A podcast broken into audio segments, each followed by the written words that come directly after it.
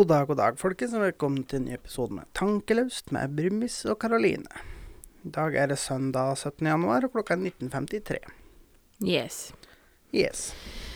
Eh, jeg må bare komme holdt på å si med en liten advarsel, men jeg er ei jævla kløne, eh, og klarte å skalle i dørkarmen nå nettopp, så jeg fikk sånn instant huepine og har skikkelig Ja, jeg slo panna mi skikkelig godt i døra her. Ja.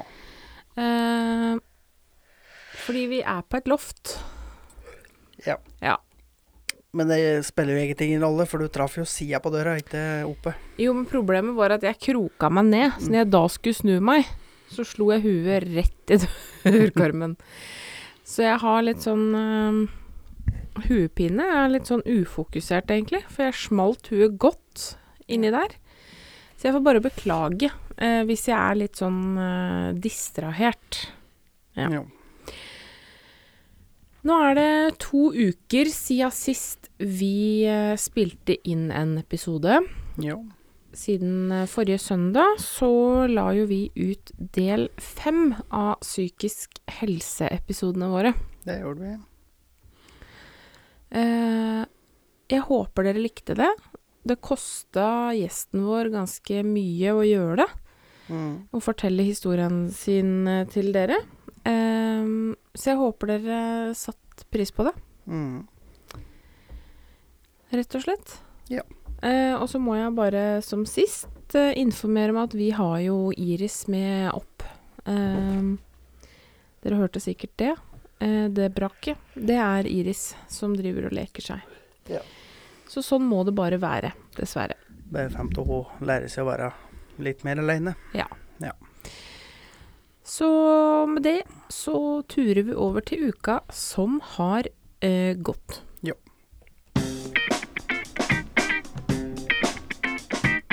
Uka som har gått. Ja, eller vi kan si ukene som har gått.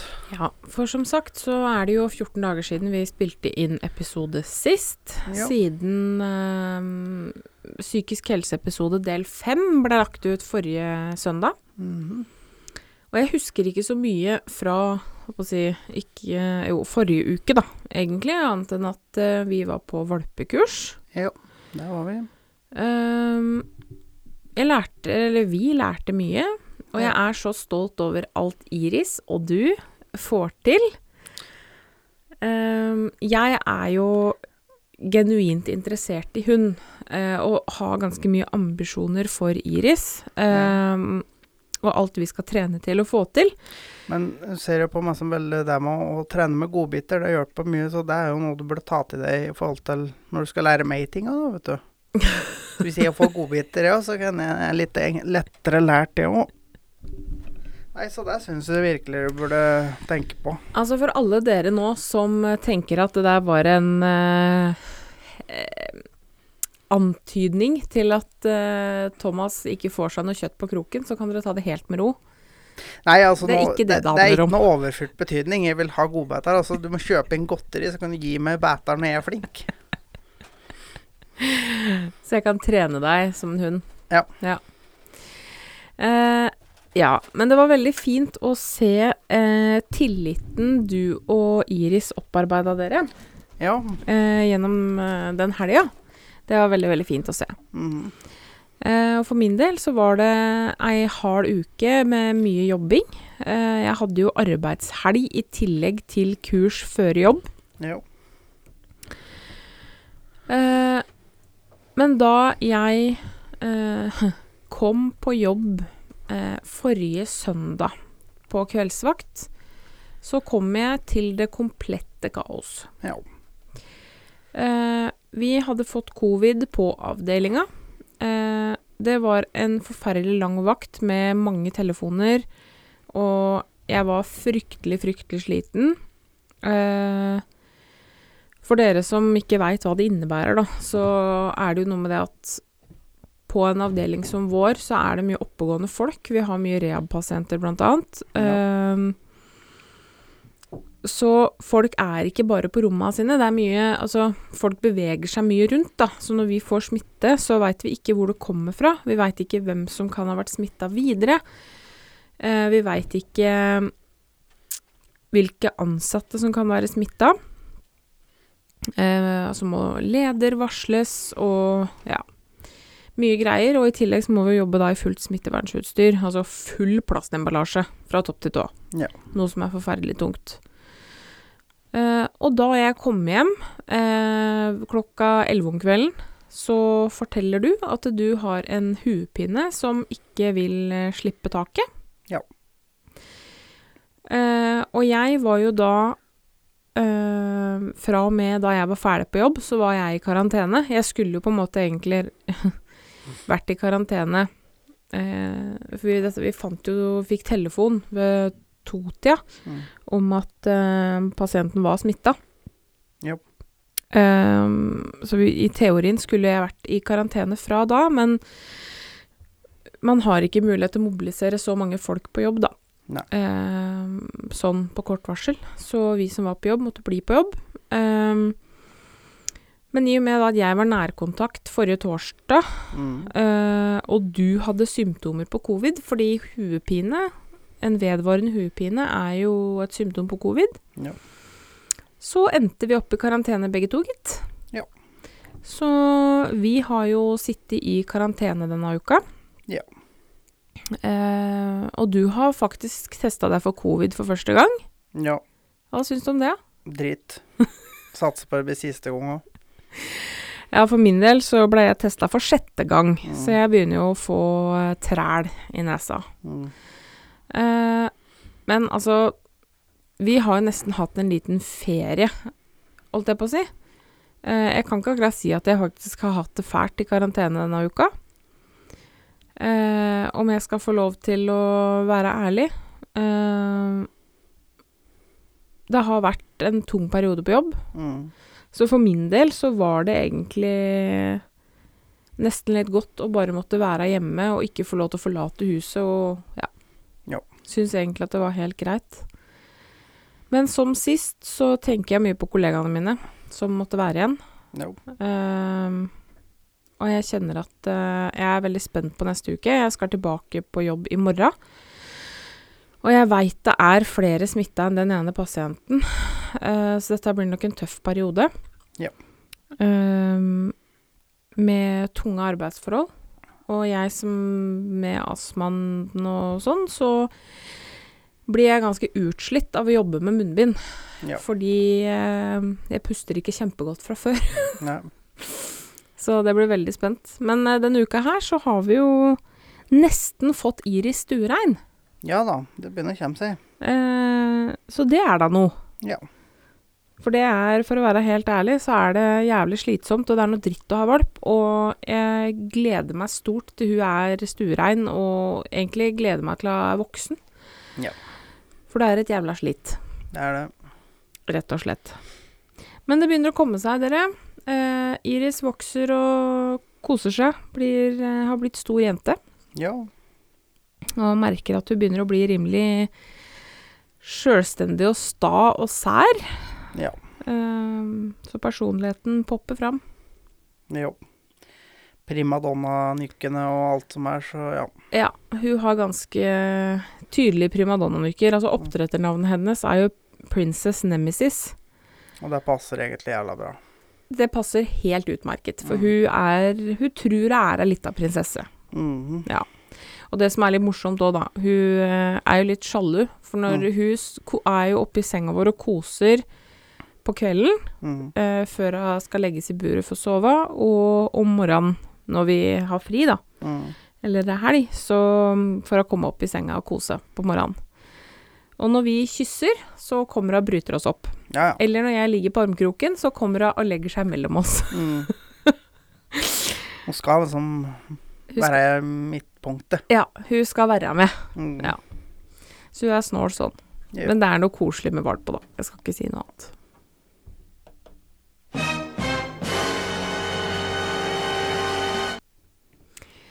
Er du klar med ukas ubrukelige fakta, Thomas? Ja, og jeg skal gjøre en litt annen vri på det denne gangen. Jeg skal rett og slett fortelle en liten historie, så skal vi sånn helle att til jeg kanskje forstår sjøl hva jeg prater om etter hvert. OK, Ja. jeg er spent. Og her snakker vi, skal jeg da snakke litt om et brødrepar fra Uniten, da. Og øh, det, de, de heter da John Harvey og Will Keat. Mm. De jobba i noe som heter Battle Creek sanatorium. Dette her var på slutten av 1800-tallet. Og de jobba sammen der i mange, mange år. Eh, De eh, hadde mye research inn i eh, vegetarisk diett for pasienter, annet. Og i 1894 så var det litt sånn sammen sånn Ja, sjukehus slash helsespa, da, egentlig. Som litt sånn omgjort til det. Mm. Uh, og brødrene uh, Nei, brødrene sier uh, Han John, da. Han var i Drev og prøvde ut noe hvete og greier for å lage noen ny type granola. Mm. Eh, men mens han drev med dette her, så ble de påkalt, så de glemte litt av det. Og når de kom tilbake, så hadde hveten blitt steinhard. Så tenkte de ja, prøve å kjøre dem gjennom like, rulle, da, uansett. Men de var redd for at det skulle komme ut som noen avlange greier, men det kom da ut som noen sånne harde flak, rett og slett. Og um, De begynte jo masse med å servere det her, da. De fant ut at ja, det kunne funke. Begynte å pakke det og meg som Begynte med sånn mailorder på dette her, men det var jo kun til gjestene som var på sanatoriet, da. Men John han var jo da doktor. Og han ville ikke at broren skulle distribuere dette her, og kun til de som var øh, kundene. Hasta, kunne du si. Og etter hvert så De ble jo litt sånn uvenner etter hvert, og han Will Keat, han starta for seg sjøl. Starta noe som heter Battle Creek Toasted Flake Company i 1906. Og etter hvert så fikk han jo da broren til å gi slipp på rettighetene til produktet. Og regner med at de fleste begynner å skjønne hvor jeg nærmer meg nå, men eh, Og han eh, begynte jo da i stor produksjon å produsere og markedsføre produktet, og bytta navn på firmaet til Kellogg's. For brødrene heter jo da Kellogg til etternavn. Mm. Mm. Og det navnet ja, det heter Kellogg Toasted Cornflake Company, og det er faktisk det hele navnet på cornflakes. Eller på Kellogg's, da. Yes. Lang, eh, langt eh, for å komme til et eh, mål. Mm.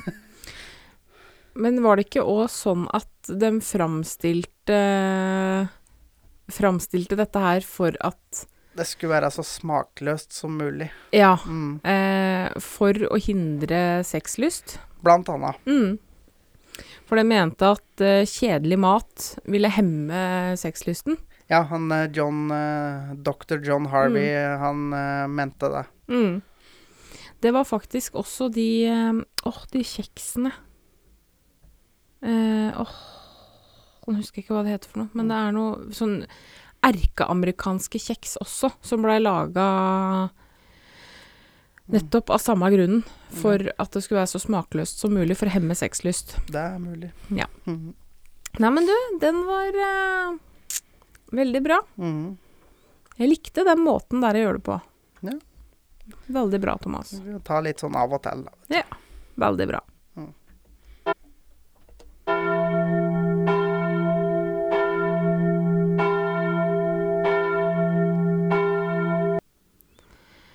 Da er det preken, da, dere.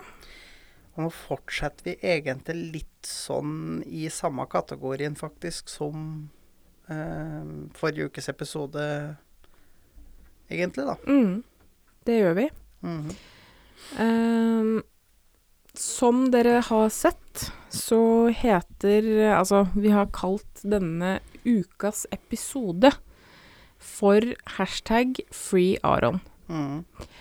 Uh, det, er også, det er da det den preken her handler om. Ja.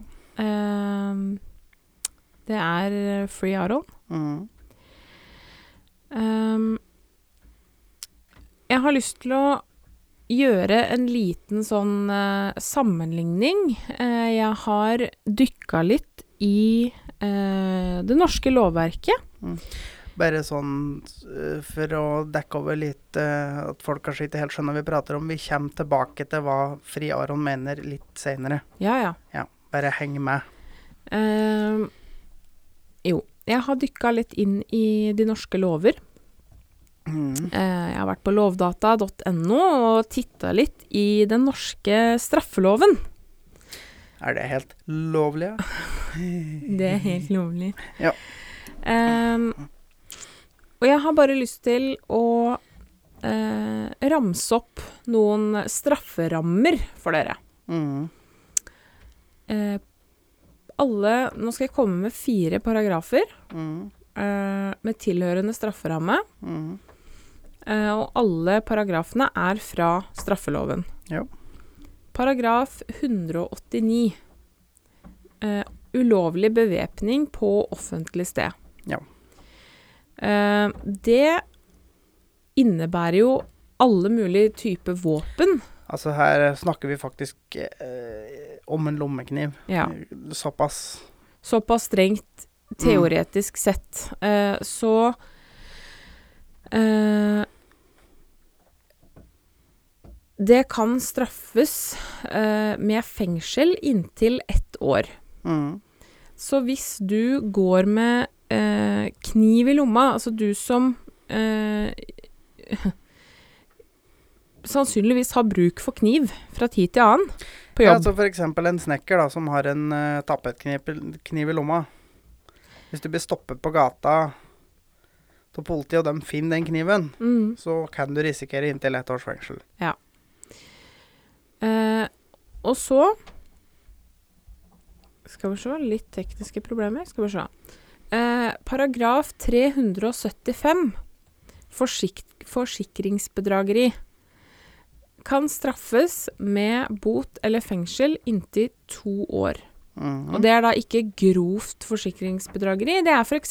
hvis du klarer å knuse telefonen din, eh, men Og det er din egen feil, og du eh, forklarer det til forsikringsselskapet som at det var noen andre som knuste telefonen din. Ja.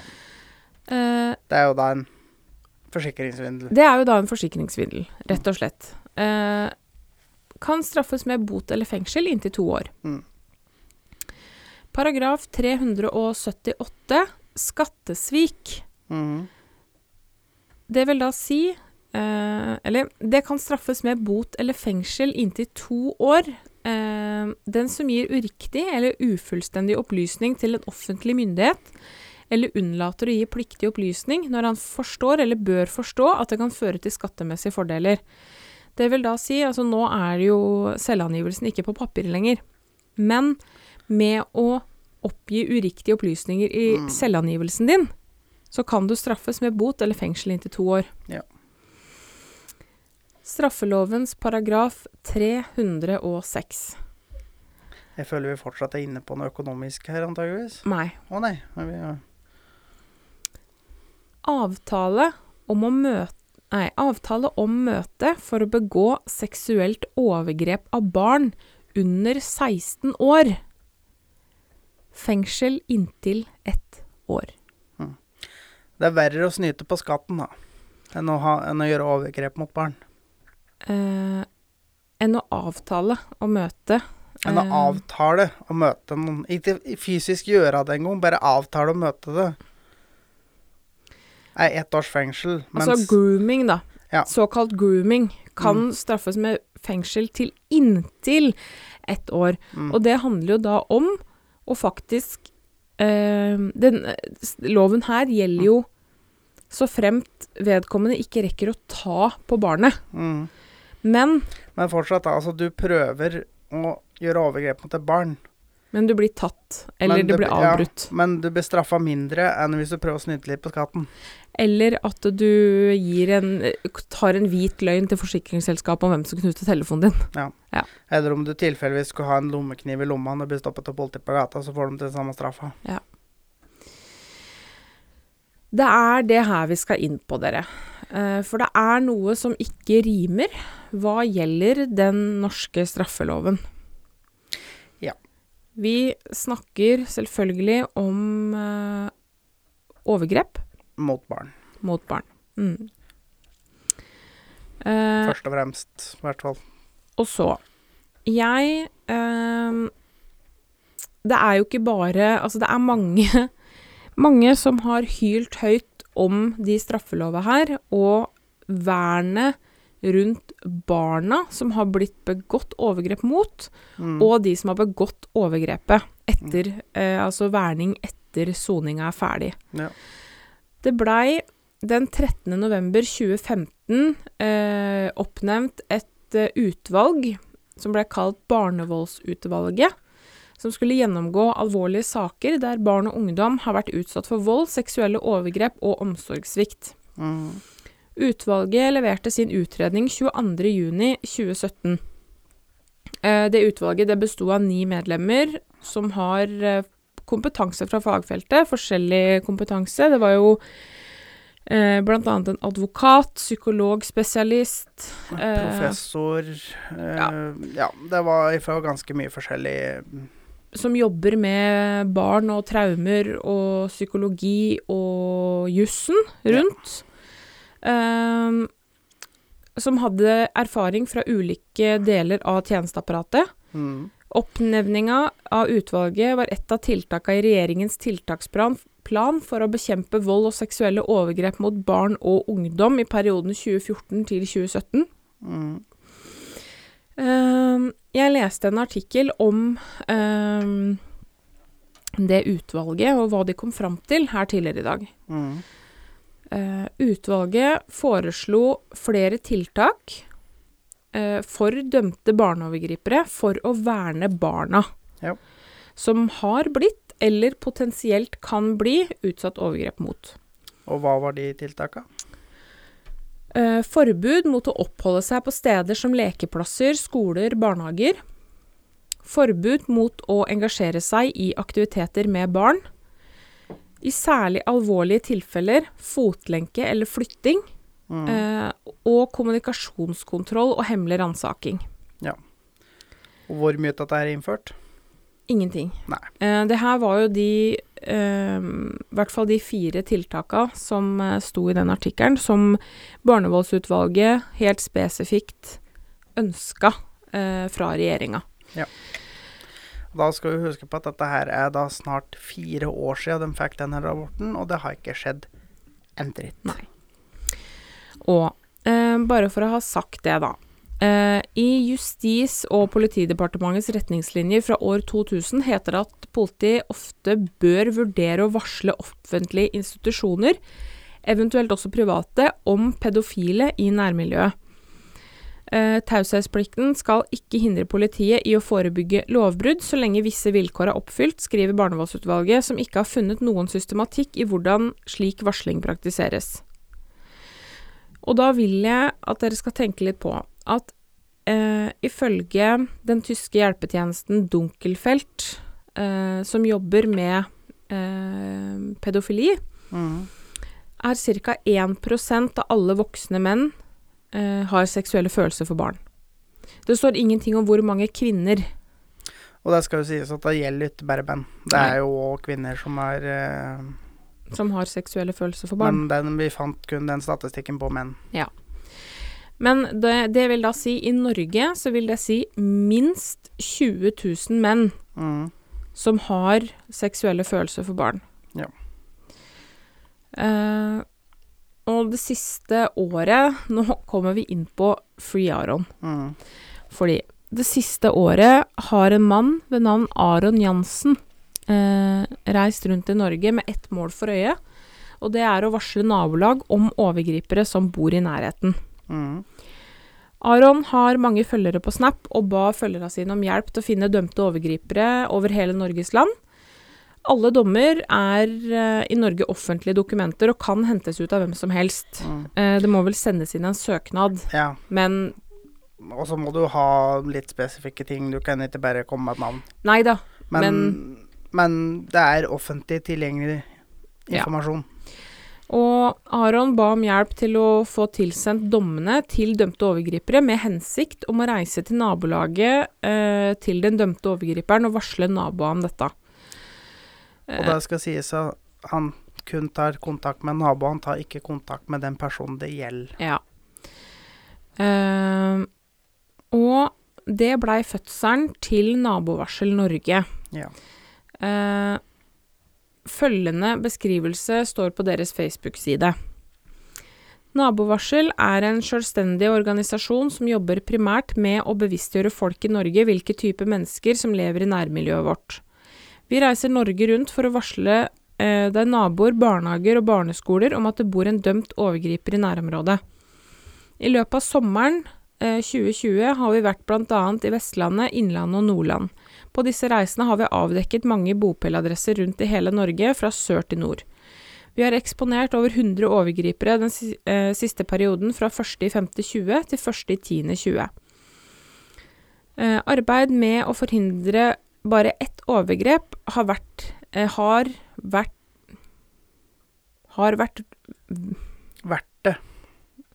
har det vært Jeg veit ikke hva det står. Har vært vel verdt innsatsen. Eh, nabovarsel består av fire frivillige arbeidere.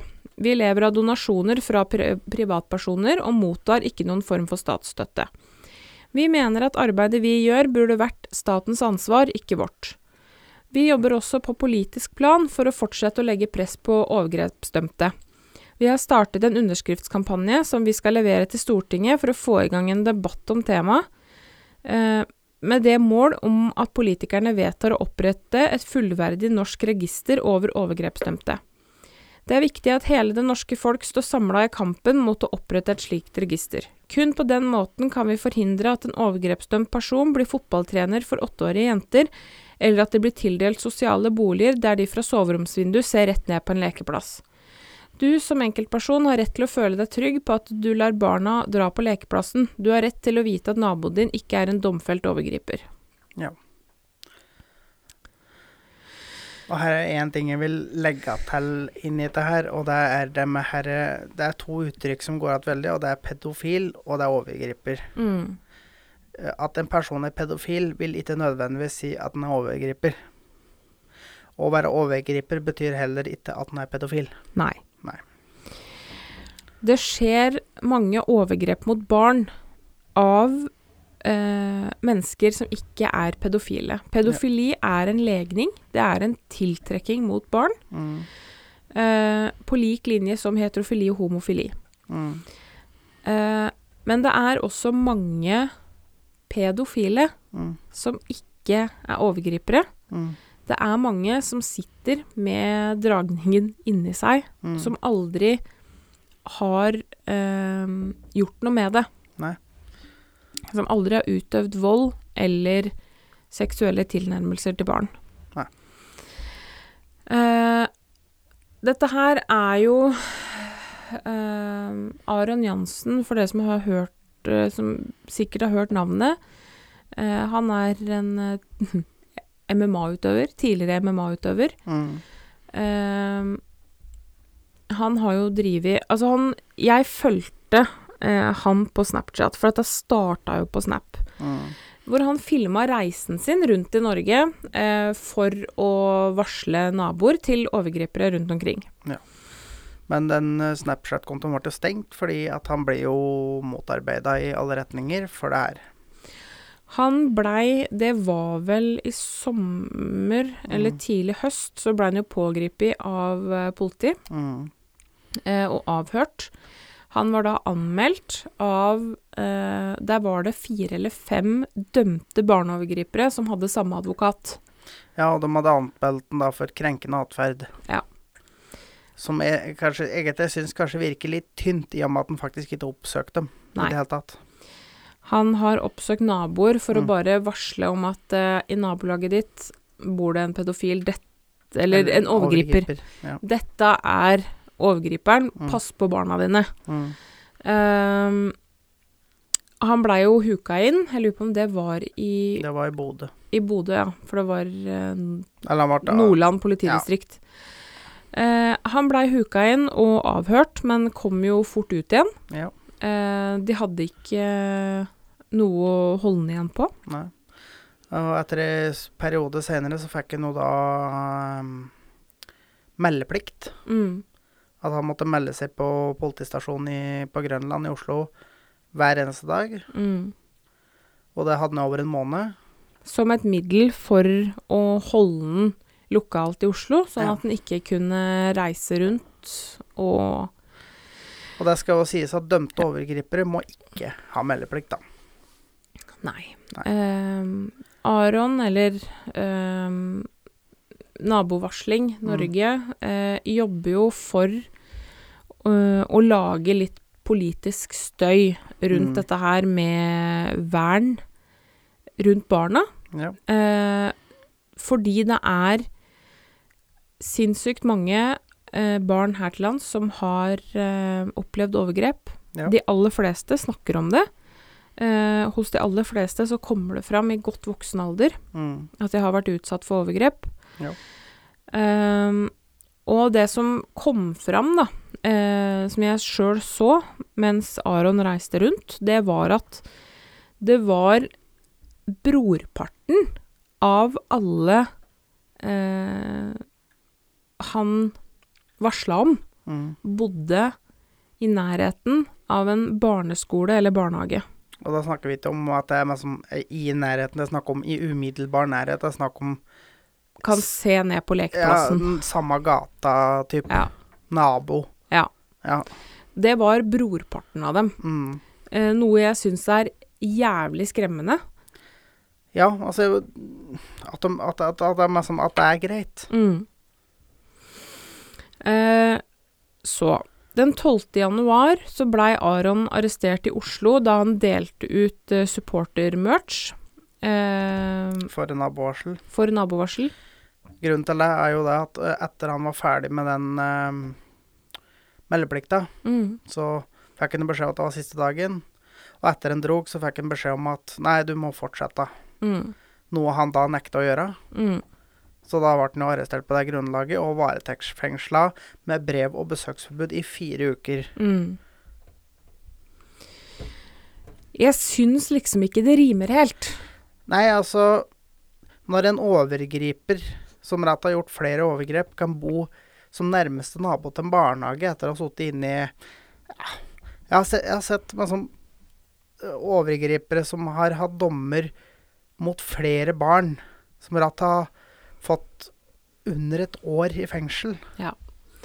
Og null oppfølging i etterkant. Det er jo det som er at uh, det fins veldig lite eh, hjelp og tiltak for eh, overgripere. Mm.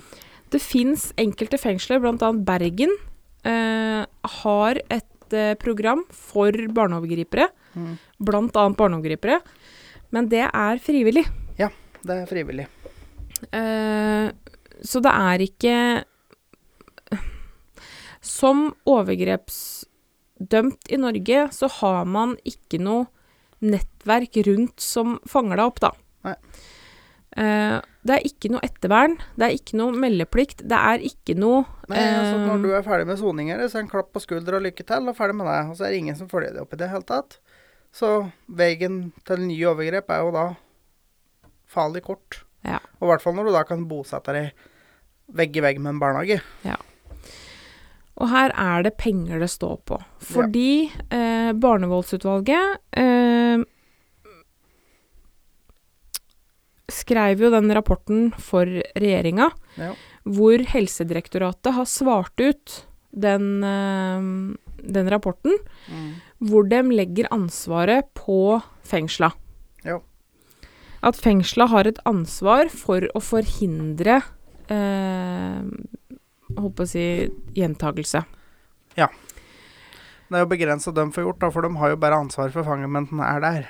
Ja, og det er jo det som da er harmelig, da. Da er vi tilbake igjen på straffeloven. Mm. Ehm, og jeg har lest flere saker om det her med overgrep mot barn, og det er, som du sier, folk som er dømt for overgrep mot flere barn, sitter inne i underkant av et år. Ja. Det er begrensa for hva kriminalomsorgen kan få gjort i løpet av det knappe året. Ja, da kan du, og da kan vi gå litt tilbake til det vi prata om i stad, da.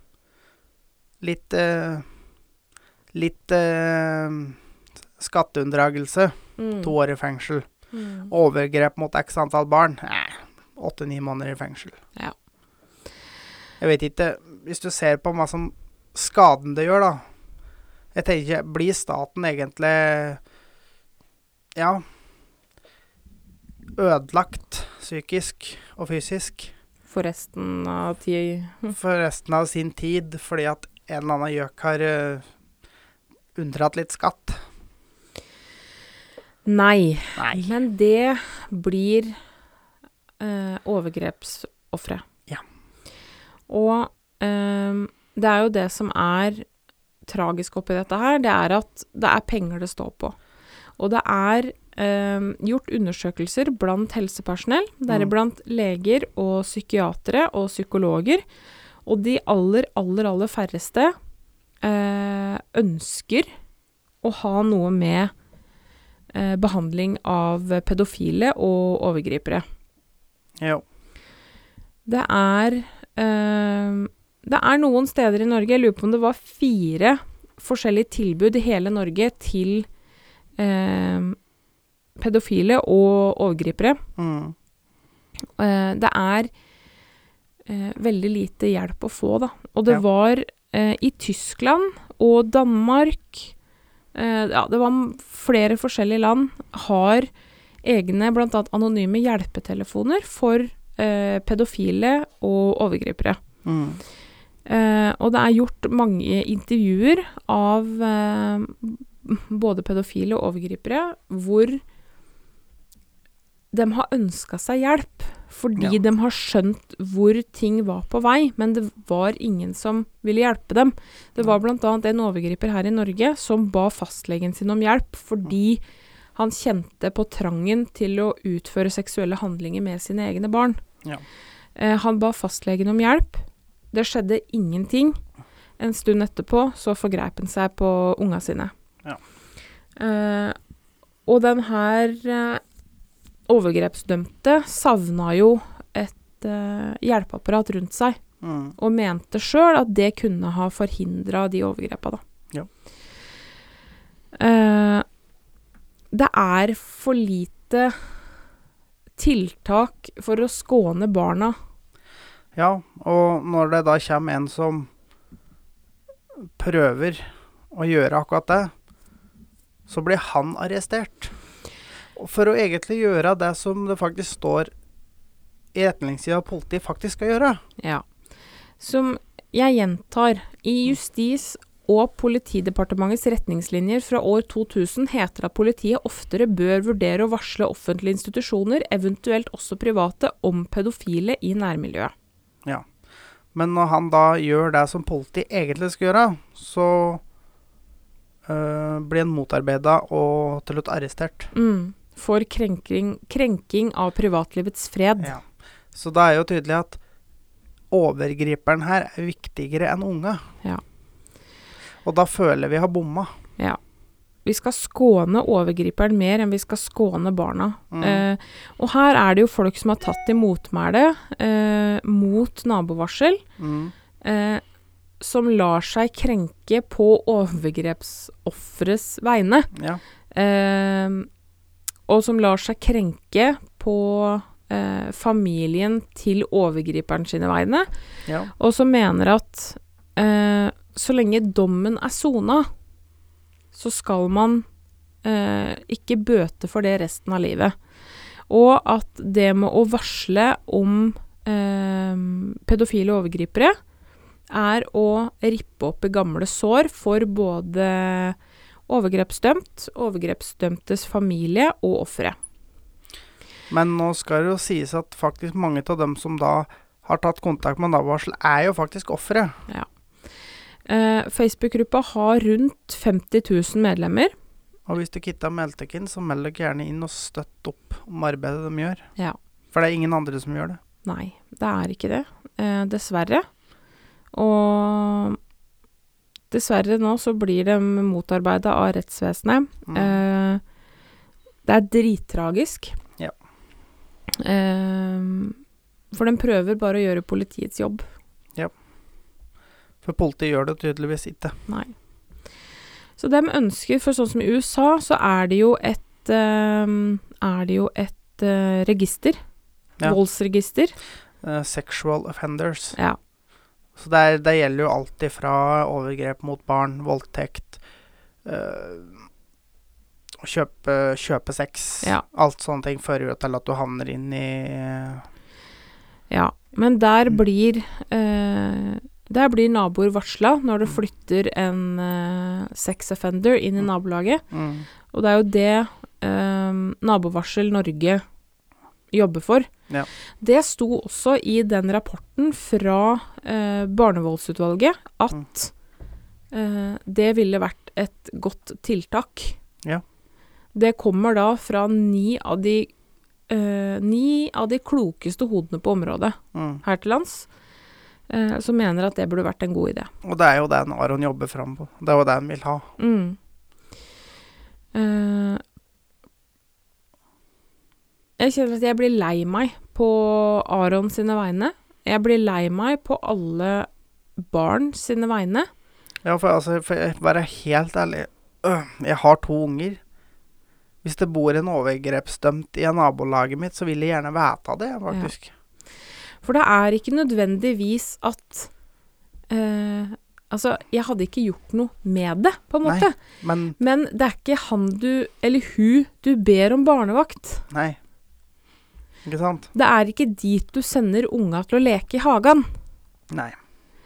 Eh, sånne ting hadde vært kjekt og visst. Det er ikke de du inviterer på middag. Eh, det er ikke de du vil ha som familievenn når du har barn. Nei. Jeg syns det er kjempetragisk, og jeg heier fram Altså, det er ikke, jeg er ikke nødvendigvis enig i eh, alt Aron har gjort, eh, nødvendigvis, men jeg støtter saken, og det er jo som andre eh, som har kommentert saken også sier, at det er jo vanskelig å argumentere mot Ja. et sånt register. Altså, det er jo vanskelig å argumentere mot å beskytte unga dine mot overgrep. Ja.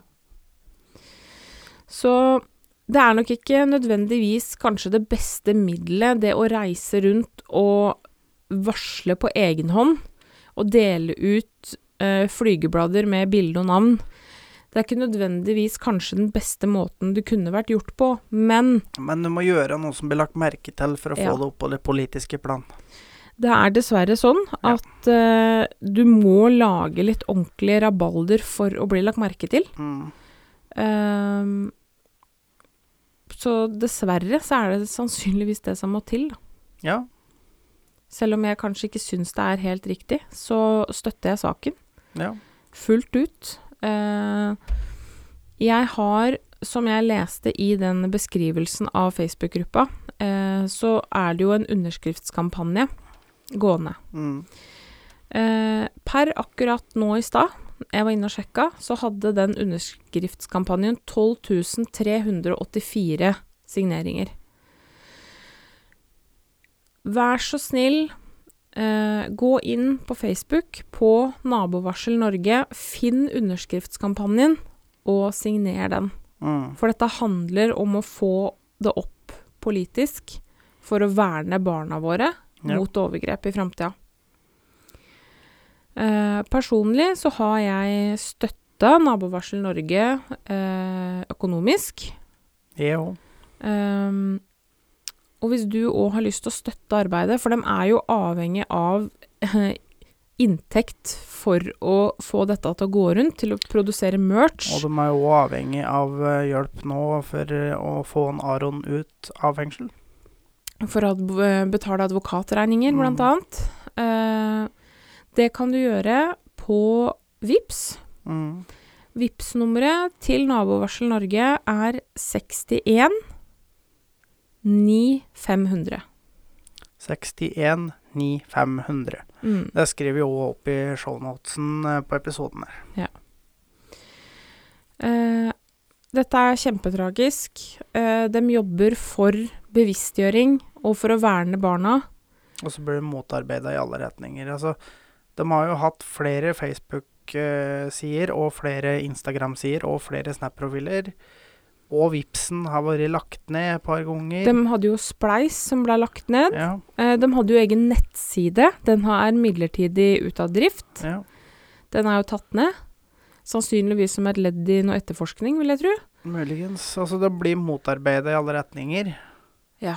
For det er jo tydelig at folk vil vite at eh, overgripere, skal, overgripere skal stoppes, da.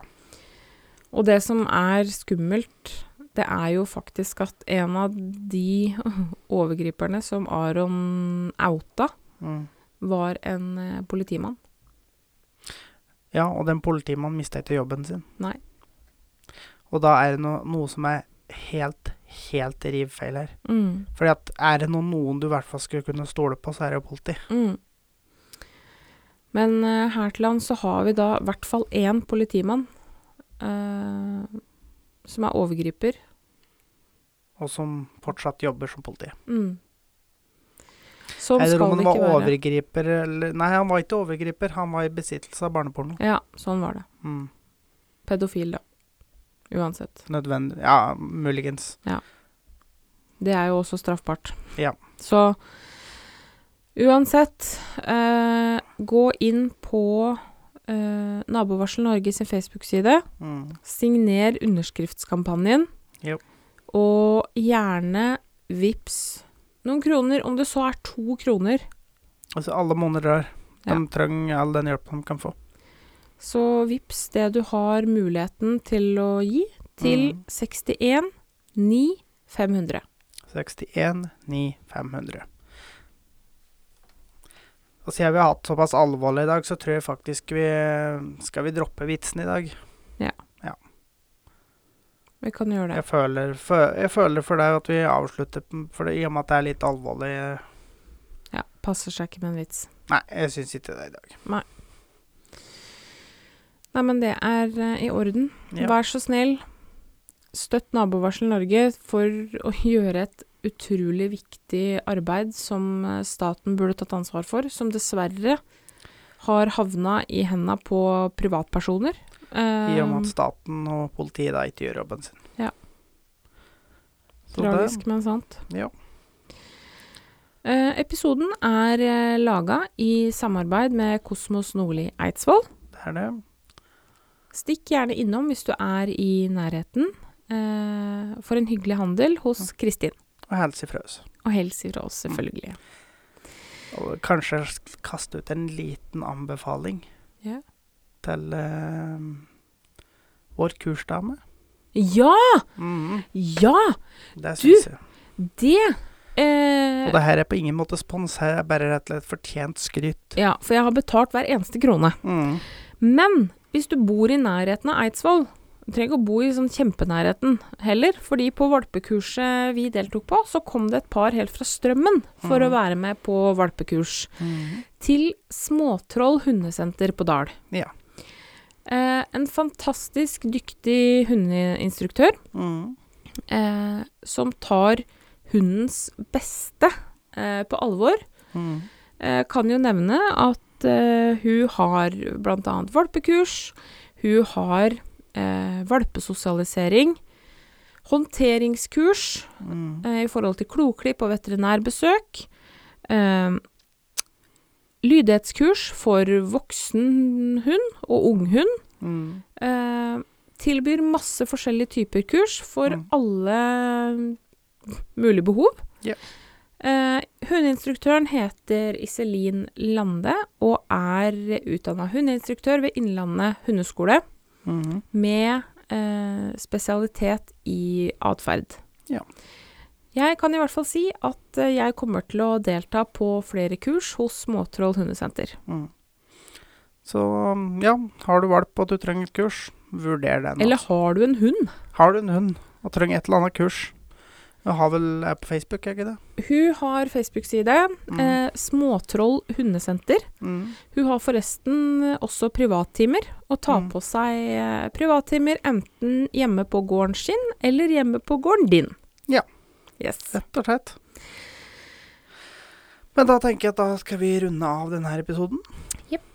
Følg oss gjerne på sosiale medier, på Facebook og Instagram, på Tankelaust podkast. Og er det noe du lurer på, så kan du sende oss meldinger eh, på Facebook og Instagram, eller sende oss mail på tankeløspodcast.gmail.com. Uh, Eh, rate oss gjerne i iTunes eller Apple Podcast, og følg oss gjerne. Abonner der du hører på podkast for å få Mm. varsel når det kommer ut en ny episode. Og spre ordet, da. Selvfølgelig. Ja. Tusen takk for uh, følget denne episoden. Så høres vi vel igjen om en uke, tenker jeg. Det gjør vi. Ja. Ha det. Hei! Ha det!